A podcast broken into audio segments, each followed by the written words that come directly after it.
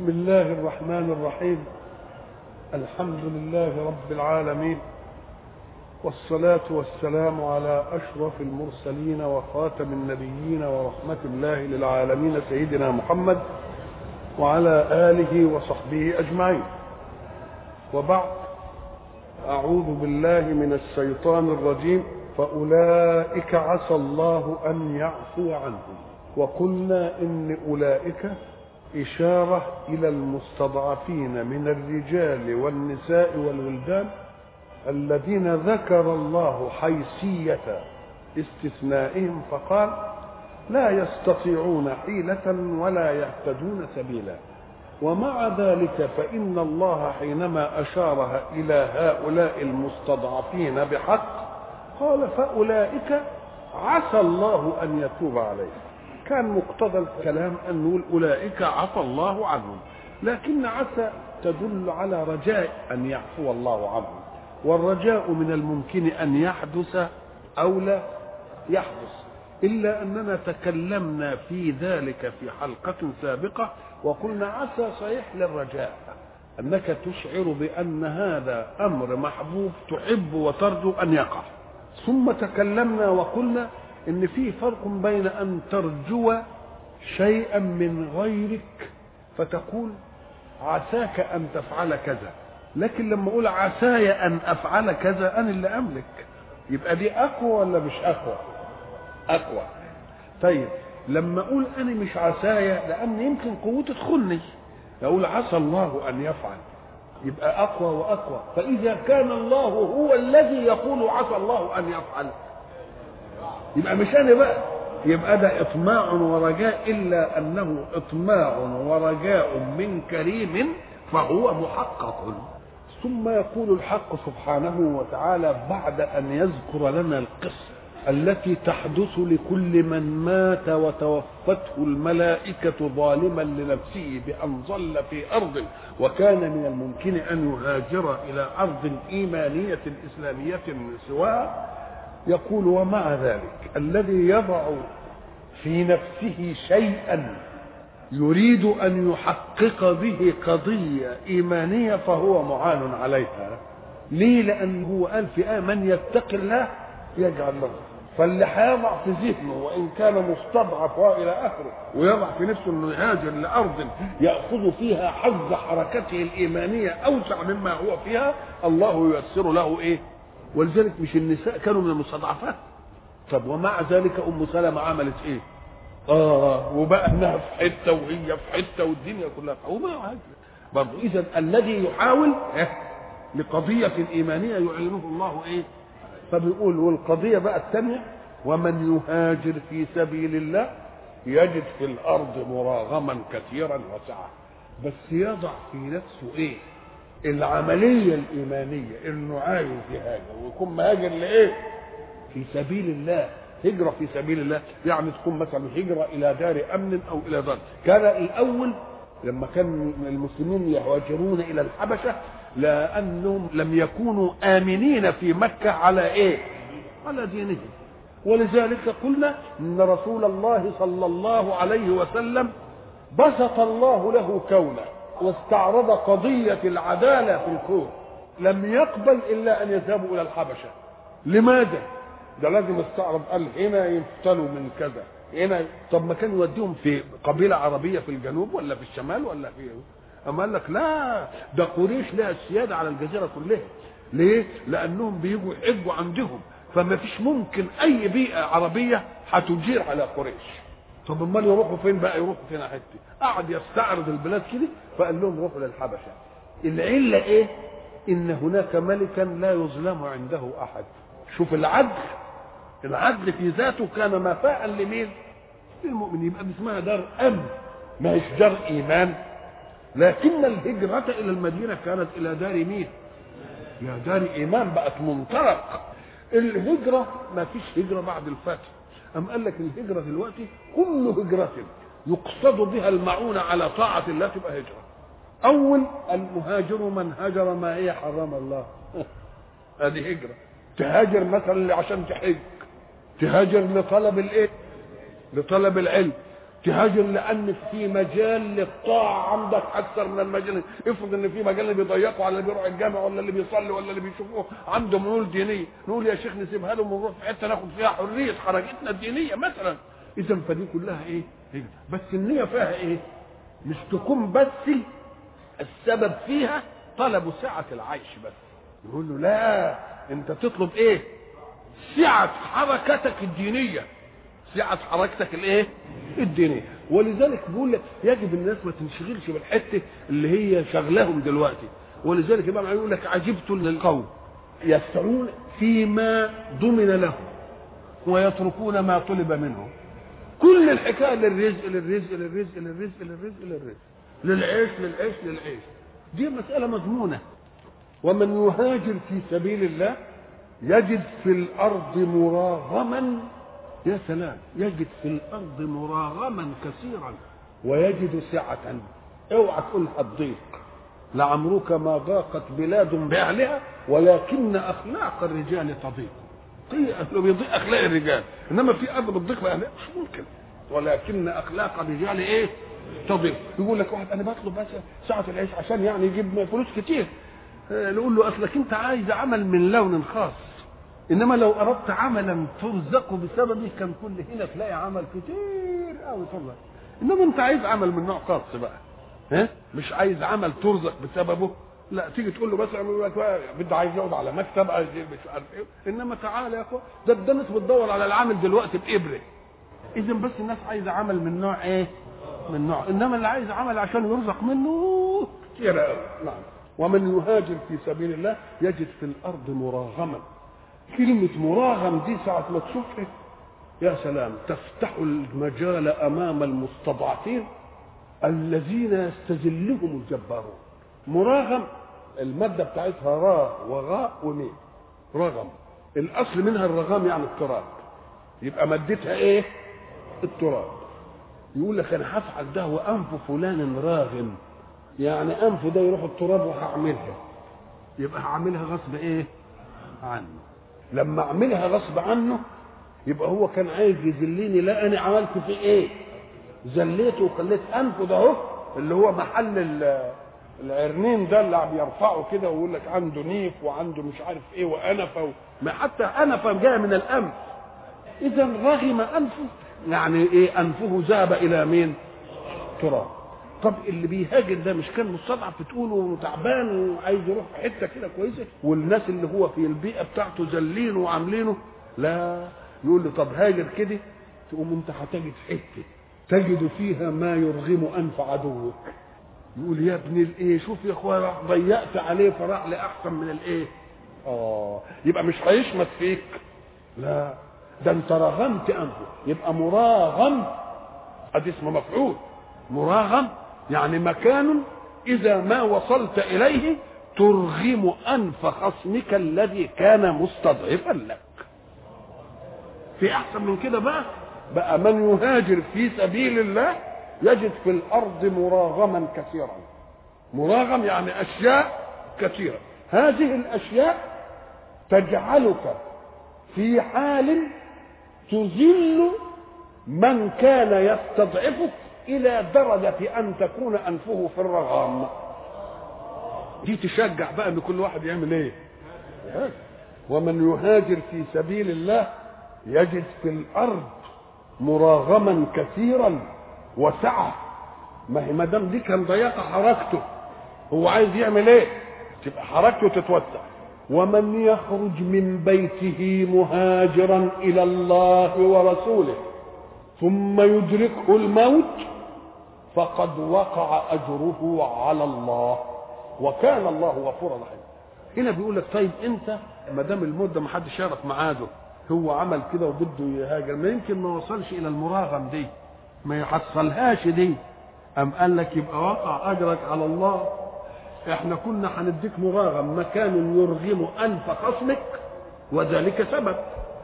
لما تموت كده قبل ما توصلوا تبقى رحت للرب السبب. تبقى ليه احسن بقى؟ يبقى اللي احسن دي يبقى أنت كسبان على كل حال. ويقول لك إيه؟ ومن يخرج من بيته إيه؟ مهاجرا إلى الله وإيه؟ فقد وقع أجره على الله. كلمة وقع أجره يعني سقط أجره على مين؟ على الله. الله. كأن الحق سبحانه وتعالى بيقول لك إن المسألة لما تروح لها ما تعيش مراغم المراغم سبب من أسبابه. إنما لما يدركك الموت قبل أن تذهب إلى المكان اللي قلت لك السعة والمراغم تبقى رحت عند مين؟ ولذلك يقول لك إيه؟ فإذا وجبت جنوبها وجبت جنوبها يعني إيه؟ يعني سقطت كده ووقعت على الإيه؟ وإذا وقع القول عليه يبقى سقط ومعنى السقوط هنا مش إن يعني المسألة يقول لك أنت كأنك إيه ذهبت بها إلى مين إلى الله ذهبت بها طب وإيه فقد وقع بمعنى سقط أما قال لك آه خد بالك من الملحظ أن الجزاء الجزاء أحرص عليك منك عليه يوم ساعة ما يدركك الحكاية دي يوم الجزاء جاي على مين؟ عند ربنا. آه يبقى إيه الجزاء عارف إيه؟ أكثر منك أنت.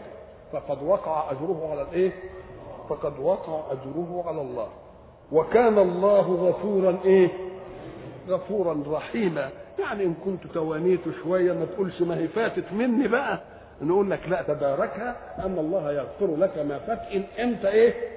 حاولت بعد ذلك أن تتدارك ما فات منك. الهجرة تقتضي ضربا في الأرض والهجرة تقتضي الهجرة في الجهاد. مش كده؟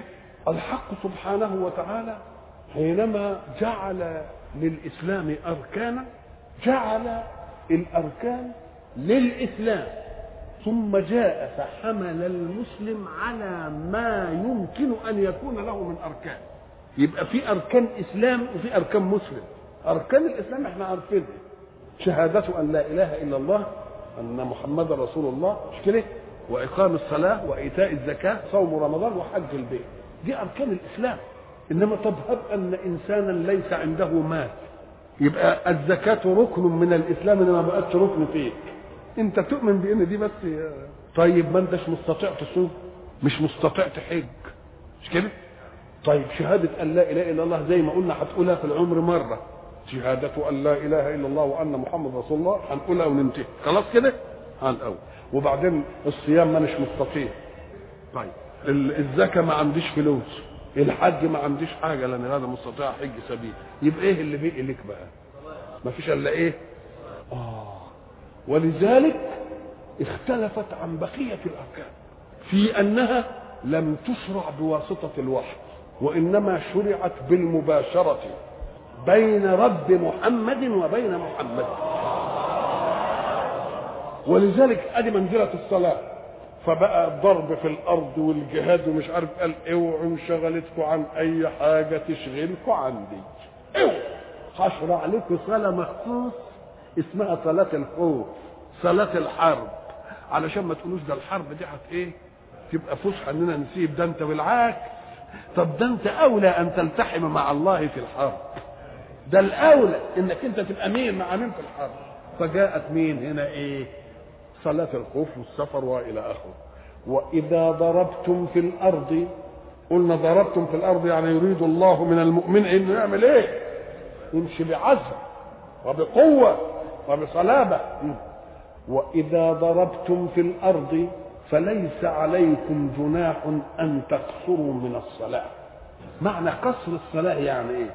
القصر إنها تكون كمية وبعدين نخليها كمية أقل. فيه بقى اختصار واقتصار. كلمتين اتنين في اللغة. اختصار واقتصار. الاختصار يأخذ البعض دون البعض. شو واخد بالك؟ الاختصار يأخذ الكل بس بصفة موجزة. فهمنا الفرق بين الاثنين؟ إحنا عايزين نختصر الكتاب ده. نجيب كل المعاني اللي فيه بس بأسلوب إيه؟ موجز. إنما كله موجود. زي ما تقعد مثلا أنت عايز تكتب جواب وبعدين تقول ما أعمله برقية. شوف بقى بتقعد تعمل في البرقية قد إيه؟ لو كان جواب تقعد تكتب على طول. تي تي تي تي تي تي تي تي. مش كده؟ لكن برقية تقعد تعمل فيها إيه؟ تقعد مدة وتحذف دي وتجيب دي بدك تجيب المعاني اللي عندك كلها في إيه؟ في لفظ موجز. ما دام عايز تجيب المعاني كلها في لفظ موجز دي تعوز منك وقت ولا ما تعوزش؟ تعوز. يبقى الإسهاب هو اللي ما يعوزش وقت والايجاز هو اللي يعوز الوقت. يعني مثلا لما يجي مثلا الخليفة بيقول له عايز يحدد عدو في الروم. قال له أما بعد فسأتيك بجيش أوله عندك وآخره عندي. خراب شوف الكلمة دي قد إيه؟ أوله عندك وآخره فين يبقى معناه إيه؟ يعني زي بيقول له جيش عرمرم وجيش وخميس وهيملا الأرض مش عارف إيه ومكون من إيه؟ قال له لا أوله عندك وآخره عنده. كده لما خسر في دومة الجندل وكتب لخالد الولي يقول له كان يقدر يقول له بقى إحنا مزنوقين وإحنا كذا وإحنا كذا واسرع إلينا وبتاع كتب له قال له قال له إياك أريد إياك فهنا قصر يعني بدل ما تبقى أربعة تبقى كام؟ تبقى خلاص كده؟ على الأول ودي مشروعيتها ليه؟ أما قال لك لأنهم في حرب بقى وحرب عايز إيه؟ عايز ما ننشغلش عن الإيه؟ عن العدو ولا ننشغلش عن إن الصلاة كانت على المؤمنين كتابا موقوتا. فإذا شرع الله للخوف صلاة وللحرب صلاة وللسفر صلاة يبقى معناها أنه لا سبيل أبدا إلى أن تنسى. وبعد ذلك تيجي نقول أي مشاغل في الدنيا مش زي مشاغل الحرب والسيف. كده ولا لا؟ ومع ذلك ربنا قال لنا إيه؟ قال فصلاة الخوف اللي هي في حالة الحرب دي القرآن جابها. صلاة السفر السنة هي اللي إيه؟ هي اللي جابتها. وإذا ضربتم في الأرض فليس عليكم جناح أن تقصروا من الصلاة. إن خفتم أن يفتنكم الذين كفروا. إن الكافرين كانوا لكم عدوا مبينا. ولما بقى إيه يشوفوكوا كده مشغولين ولا أي حاجة ينتهزوا فيكم فرصة فلما تروحوا بقى تصلوا عايزين تقدم إن الصلاة كانت على المؤمنين كتابا موقوت ولا تمكنهمش من مين؟ من نفسكم. فراح شارع قصر الإيه؟ الصلاة. وإذا كنت فيهم الخطاب لسيدنا رسول الله صلى الله عليه وسلم ونشوف بقى الخطاب هنا. وإذا كنت فيهم فأقمت لهم الصلاة. طب نعمل إيه بقى؟ قال لك فلتكن طائفة منهم معك. طب ما دام هتكون طائفة منهم معك يبقى مفهومها إيه الثاني؟ يبقى في طائفة مش معك. يبقى فين؟ بتعمل إيه؟ بتراقب العدو تحمي ظهورك وتقف كده مع الايه؟ العدو. والطائفة تقوم تصلي. طيب تصلي إزاي؟ طب ما هم كلهم جنود مؤمنين وكلهم عايزين يكونوا في شرف الصلاة معك. قال له اقسم إحنا قصرنا عنك الصلاة. انت تقسم الصلاة المقصورة دي بين الطائفة دي وبين الايه؟ ليشرف كل واحد بالصلاة معك. فلا يوجد واحد يقول أنا كنت بصلي مع النبي وده ما بيصليش على إيه؟ مع النبي. مفهوم ولا لا؟ فإذا كنت فيهم فأقمت لهم الصلاة، اولا الصلاة إن كانت الثنائية ما بتقصرش. مش كده؟ الرباعية بتقصر الثلاثية ما تقصرش. لاننا لما نقصرها تبقى في ركعة ونص. فالجبر دائما بيش إحنا بنيجي نجبر الكسر كده إلى الواحد الصحيح. طب تجبره إلى الأقل ولا تجبره للأكثر؟ لا الاكثر خلاص. على قال لك صلاة الخوف دي صلاها رسول الله صلى الله عليه وسلم بهيئات متعددة. إحنا ما كانش ضروري نقولها لكم لأن دي بقى نقولها للأئمة وللعلماء اللي هيروحوا إيه يصلوا بالجيش أو بتاع. إنما ما فيش مانع اننا نلم بها الماء بسيطه لا طريقتين. هنصلي ركعتين. لأن حتى إن كانت أربعة هنصلي أربعة أو ثلاثة. إيه ماذا يصنع؟ يقف رسول الله صلى الله عليه وسلم. فالجيش ينقسم قسمين. قسم يصلي معاه وقسم يقف يراقب مين؟ العدو. خلاص؟ فيصلي بالجماعة اللي وياه إيه؟ ركعة واحدة. خلاص؟ ثم ينصرفون. وتأتي الطائفة اللي كانت واقفة تصلي معه إيه؟ الركعة الثانية خلاص؟ هو خلص. يقوم يسلم هي خلاص؟ وبعدين إيه اللي يحصل؟ تيجي الطائفة الأولانية اللي صلت الركعة الأولانية وياه وتصلي الإيه؟ الثانية وتسلم وتخلص. وتيجي الطائفه الإيه؟ اللي وتصلي وتنتهي. ادي طريقة. في طريقة مالك قال لك هو برضه هيقسمهم قسمين. وتيجي طائفة تصلي مع النبي عليه الصلاة والسلام إيه؟ إيه؟ ركعة واحدة. ما هي ركعة؟ خلاص كويس. بعد ما تصلي معاه ركعة هو ما يصليش الثانية. هو ما يصليش الثانية. وتروح الطائفة دي عشان تراقب العدو وتبعت الطائفة. يظل هو واقف قائم إلى أن تأتي الطائفة اللي كانت واقفة عند العدو. وتصلي معها إيه؟ تصلي معاها الركعة الأولى بتاعتهم. ودوك واقف كده. بعد ما تخلص الأولى بتاعتهم هو هتكون صلى الثانية هيبقى قاعد ولا واقف؟ قاعد للتحيات. يقوم يقول يظل قاعد لحد ما تيجي. تصلي ويروح إيه؟ يصلي. مفهوم الكلام ده؟ يبقى له صورتين اثنين وإذا كنت فيهم. كلمة وإذا كنت فيهم. هذه الصلاة مقصورة على كون النبي عليه الصلاة والسلام لأن صلاتهم معاه هي الشرف. طب فإذا بعد رسول الله يصلي ناس متعددين يصلي ده ويصلي ده ويصلي قال لك إن كنت ستعتبر القائمين بأمر الخلافة وأمر القيادة. خلفاء لرسول الله في هذه يبقى دي برضه إيه؟ تحصل. وإن كنت هتعمل لكل جماعة إمام وجماعة يقفوا وجماعة يصلوا يبقى صحيح. وإذا كنت فيهم فأقمت لهم الصلاة فلتقم طائفة منهم معك. شوفوا بقى دقة الأداء القرآني عشان تعرفوا إن ده كلام من رب. فلتقم طائفة منهم معك وليأخذوا أسلحتهم. وليأخذوا إيه؟ طبعا إحنا نقول عليها الأسلحة الخفيفة. اللي معاه منجنيق مش هياخده عشان ما يعرفش يصلي هياخد السيف وياخد النبلة بتاعته ولا الرمح ولا أي حاجة الحاجات الخفيفة دي. فإذا سجدوا فليكونوا من ورائكم. الطائفة الثانية تحفظ عرقهم أيوة ولتأت طائفة أخرى لم يصلوا فليصلوا معك. شوف هنا بقى وليأخذوا حذرهم وأسلحتهم. ديك قال خذوا إيه؟ فليأخذوا إيه؟ أسلحتهم. إنما هنا قال إيه؟ قال يأخذوا حذرهم وأسلحتهم. عشان تعرف إن مش ألفاظ بس بتنقال ده ألفاظ لها مدلولات من إله. قال لك لأن اللي جايين من الأول ما هم الأولانيين. كانوا جايين لسه ما فيش إنما اللي هيجوا يصلوا الثانية آه يبقوا بالهم مشغول بإيه؟ بالهم مشغول بالعملية اللي كانوا فيها. ما دلوقتي دول بيصلوا. ودول إيه؟ بيراقبوا.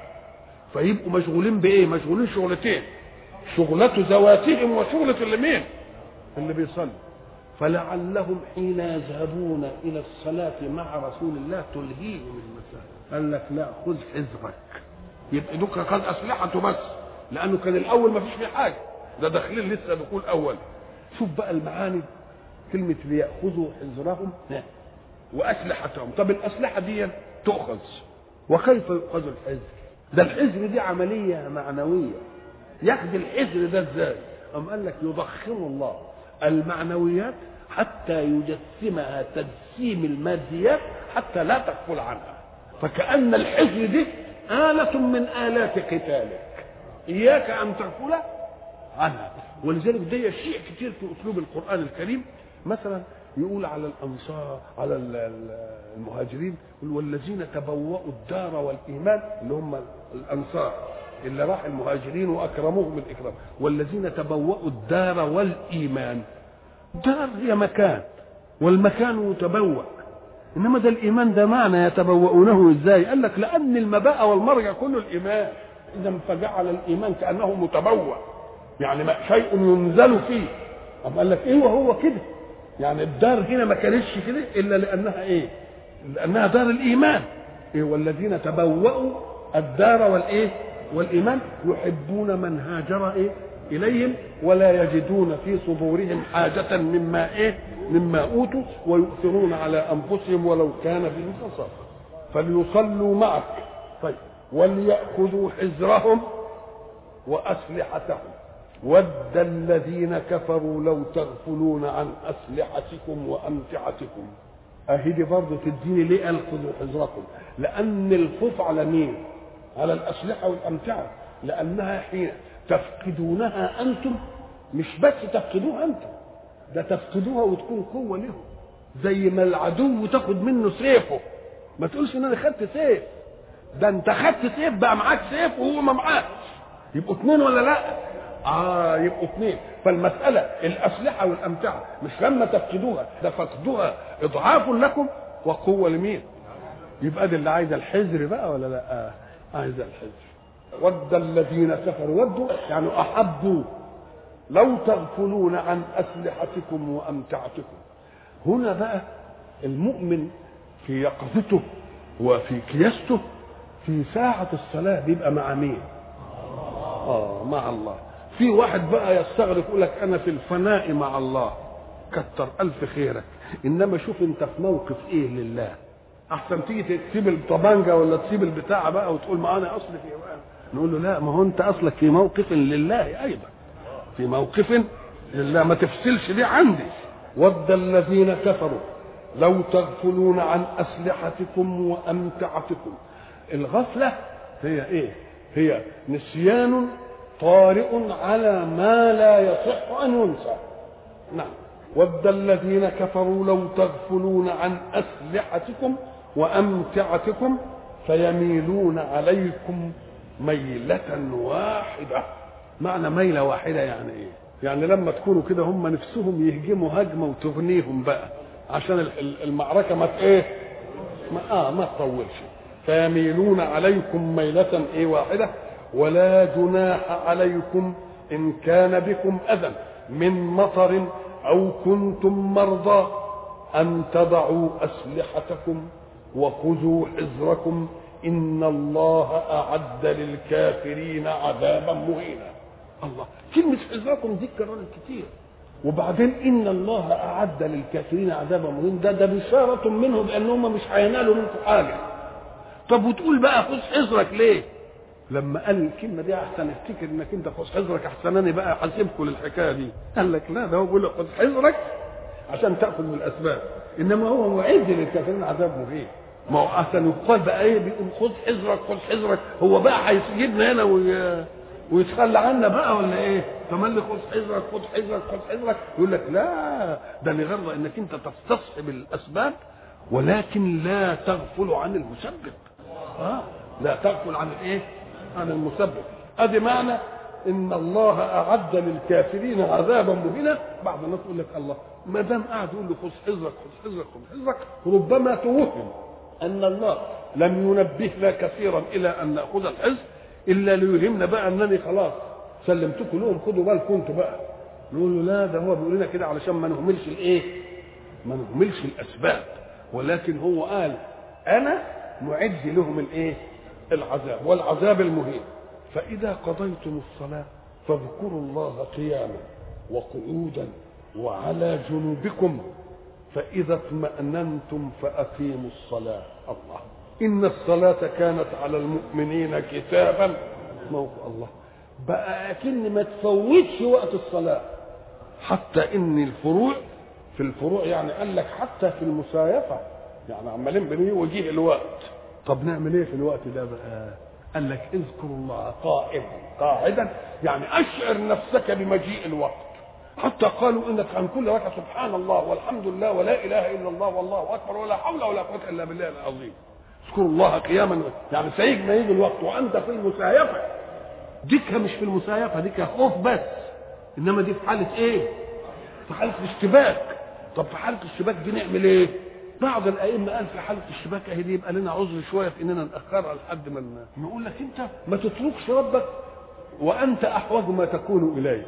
تترك ربك وأنت احوج ما تكون إليه. طب ده المسايفه والقتال والعملية دي هي اللي تخليك تقول إيه؟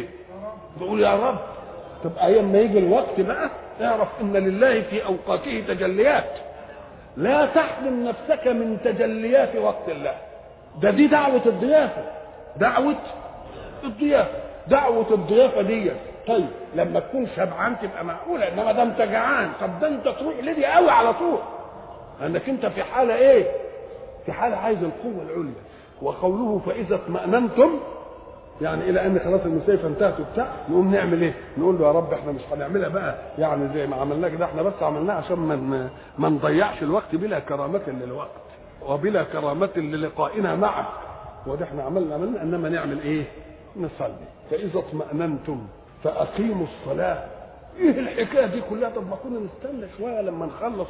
قال لك لا السبب في ده كله إنني شرعت ليك صلاة خوف وصلاة مسيفه وصلاة كذا وكذا لأن الصلاة كانت على المؤمنين كتابا وموقوتا. اوعى تقول لي موقوت يعني إيه؟ يعني له إيه؟ له وقت. اوعى واحد يفهم إنه له وقت يعني؟ إحنا مثلا بنصلي الظهر وبعدين نقول وقتها إلى العصر. صحيح وقتها إلى العصر. إن عشت إلى أن تصليها قبل العصر سقطت عنك. إنما إن مت وقد فات عليك وقت يسعها فقد أسمت مفهوم الكلام أظن صحيح. إن أنت قعدت واضمن لي بقى إنك تقعد بقى للعصر. خلاص؟ يبقى إن الصلاة كانت على المؤمنين كتابا إيه؟ موقوتة ساعة ما ينادي ينادي المؤذن تبقى بقى الصلاة. كل عمل بعد أن تسمع الأذان لا. كل عمل بعد أن تسمع الأذان إيه؟ ولذلك كان يجي لنا مثلا ناس يقول لك يا أخي أنا ببقى في عمل ومش ممكن أقدر أسيبه أنا في عملية أنا مش عارف في إيه أنا في إيه الطيارة ماشية آه بس بكلمة بسيطة فقلنا لهم طيب أنا سألتكم بالله إذا كنت في هذا العمل اللي أنت مش قادر تسيبه أبدا وبعدين عنا لك أن تقضي حاجة ماذا تصنع؟ إشمعنى جالك الوقت في دي بقى؟ لو حطيت في بالك الوقت ده يجي لك أسرع من الثاني وتجد الذين تخاف أن يكونوا هم اللي بيسهلوا لك الإيه؟ هم اللي بيسهلوا لك الأماكن. بقينا نركب في طيارات ما فيهاش مسلمين. وبعد ذلك ساعة ما يشوفوك قايم كده يصلي والله والله الذي لا اله العبودية الفطرية لله. بدون إيمان به. العبادة الفطرية اللي ساعة ما يشوفك أنت مقبل على الله يترعش. ونفسه يقدم لك خدمة. ويلاقي بقى مش عارف يجيب لك فوطة. ويلاقي مش عارف يجيب لك مش عارف دي ملاية عشان يفرشها لك. ولا بطانية. ويقف كده وهو ما آه. ده عبودية فطرية لله. فتيجي تقول لي إن واحد يقول لك الوقت ما بيسعنيش الوقت مش عارف. بقى ربنا هيكلف الناس بحاجه ولا يديش الوقت اللي يساعه؟ فتبقى المسألة. إيه الحكاية دي؟ مين اللي قال الكلام ده؟ آه بقى ربنا مش ممكن يا أخي. بقى أنت تيجي للمعلم بتاع الصنايعية وقعد يقول للولد عليك أنت تعمل دي النهارده ودي النهارده ودي النهارده ودي النهارده ودي النهارده. لشيء لا يسعه زمانهم بالله دي تحصل. والله ما تحصل. بقى الرب هيقول لك اعمل وعمل. مش ممكن. ومن يتق الله ويرزقه من حيث لا يحتسب. فإذا قضيتم الصلاة فاذكروا الله قياما وقعودا وعلى جنوبكم فإذا اطمأننتم فأقيموا الصلاة. حقيقتها بقى. إذا الذكر اللي هناك ذكر يشعرك بأن الوقت اللي هو حال وأنك برضه موصول بإيه؟ موصول بربك. إن الصلاة كانت على المؤمنين كتابا إيه موقوتا؟ ولا تهنوا في ابتغاء القوم ابتغاء القوم طلبهم يعني. ده الآية دي بقى بتعمل لنا عملية في اللي عايزين يفهم. يفهم الناس عنهم انهم يعني ناس إيه؟ متحررين وبيخلوا الإسلام ملائم لل للعصر وللحالة. ويقول لك ده الإسلام ده مسألة الحرب عنده بس لرد العدوان. ما يعتدي عليك بس رد عليه العدوان. نقول له لا. هو لرد العدوان صحيح إنما كمان لإفساح المجال لحرية الاعتقاد. دوك بده يقول لك بس اياك المسلمين يخفون شرهم ويقولوا ما يحاربوش إلا إلا إذا اعتدى عليهم حد. اللي مخوفهم إيه؟ اللي مخوفهم إن الجهاد يبقى فريضة عشان يروح في كل حتة فيها طغيان يحددوا حرية الناس في اختيار العقائد يقول لك المسلمين لو لو انفتحوا على الحكاية دي مش هنقدر عليهم. فاحنا نتفق وياهم على إيه؟ أو نلقي في روحهم إن ده الإسلام ده مش بتاع اعتداء ده هو بس يرد عدوان عليك. قول له لا يا حبيبي. أنت عايز يعني تخليني أقبل منك إنك بتمدح الإسلام بإنه بتاع رد عدوان؟ هو بتاع رد عدوان. صحيح. إنما مطلوب منه إنه يعلن كلمة الله. واللي يقف في وجه إعلانه نحن. لكن ما بنفرضش عقيدة. إحنا بس نفرض حرية في إن الناس تعتقد. وبعدين الناس يبقوا أحرار في الله. شوف بقى الآية بقى اللي تيجي بقى اللي هنا اللي هم مش عايزين يفهموها. ولا تهنوا أي لا تضعفوا في ابتغاء القوم ما معنى الابتغاء؟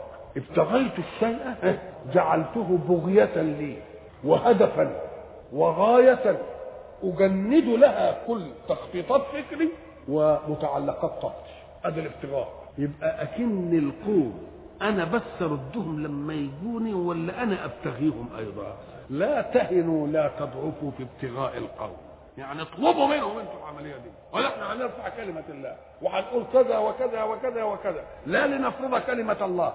ولكن لنمنع جبروت الطغيان اللي يمنع الإنسان من أن يكون حر الاختيار فيما يعتقد. ولا تهنوا في ابتغاء القوم أنتوا عندكم حيثية. ليه؟ قال لك لأن الحرب ده صحيح. ما بنقولش إن الحرب ما فيش فيه مشقة. الحرب اللي خلقنا قال كتب عليكم القتال هو كره لكم أنا ما بقولش إن حاجة محبوبة أنا هتتهافت عليه. فهو بيقول كتب عليكم القتال وهو إيه؟ صحيح هو كره إنما هيجيب لكم شيء إيه؟ شيء محبوب. ولا تهنوا في ابتغاء القوم فإنهم يألمون كما تألمون. برضه الحرب بيتعبهم. مش كده؟ الحرب بإيه؟ أنتم بتتعبوا من الحرب وهم برضه بيتعبوا بس الميزة بينكم وبينكم أنكم ترجون من الله ما لا يرجون. فإنهم إيه؟ يألمون هذه الألم سواء. بس إيه؟ أنتم ترجون من الله ما لا يرجون. أنتوا داخلين وراكم ربنا ومعتقدين إنه هينصركم واللي هيموت منكم هيروح لإيه؟ لجنة عرضها السماوات والأرض ومش عارف وإيه ويراح ولذلك جاء في آية ثانية لما تجادلوهم قولوا لهم إحنا بنجادلكم بالعقل والمنطق قل هل تربصون بنا إلا إحدى الحسنيين؟ أنتوا بتتربصوا إيه؟ يعني عمالين تنتظروا إيه اللي يحصل لنا؟ طب ما إحدى الحسنيين يا ننتصر عليكم ونقهركم يا نموت شهداء ونروح الجنه طب وأي واحدة من دول حلوة ولا مش حلوة؟ طب وإحنا بنتربص بكم إيه؟ أن يصيبكم الله بعذاب من عنده أو بأيدينا. يبقى التربص من هو اللي أحلى تربص مأمون. وإلى لقاء آخر إن شاء الله.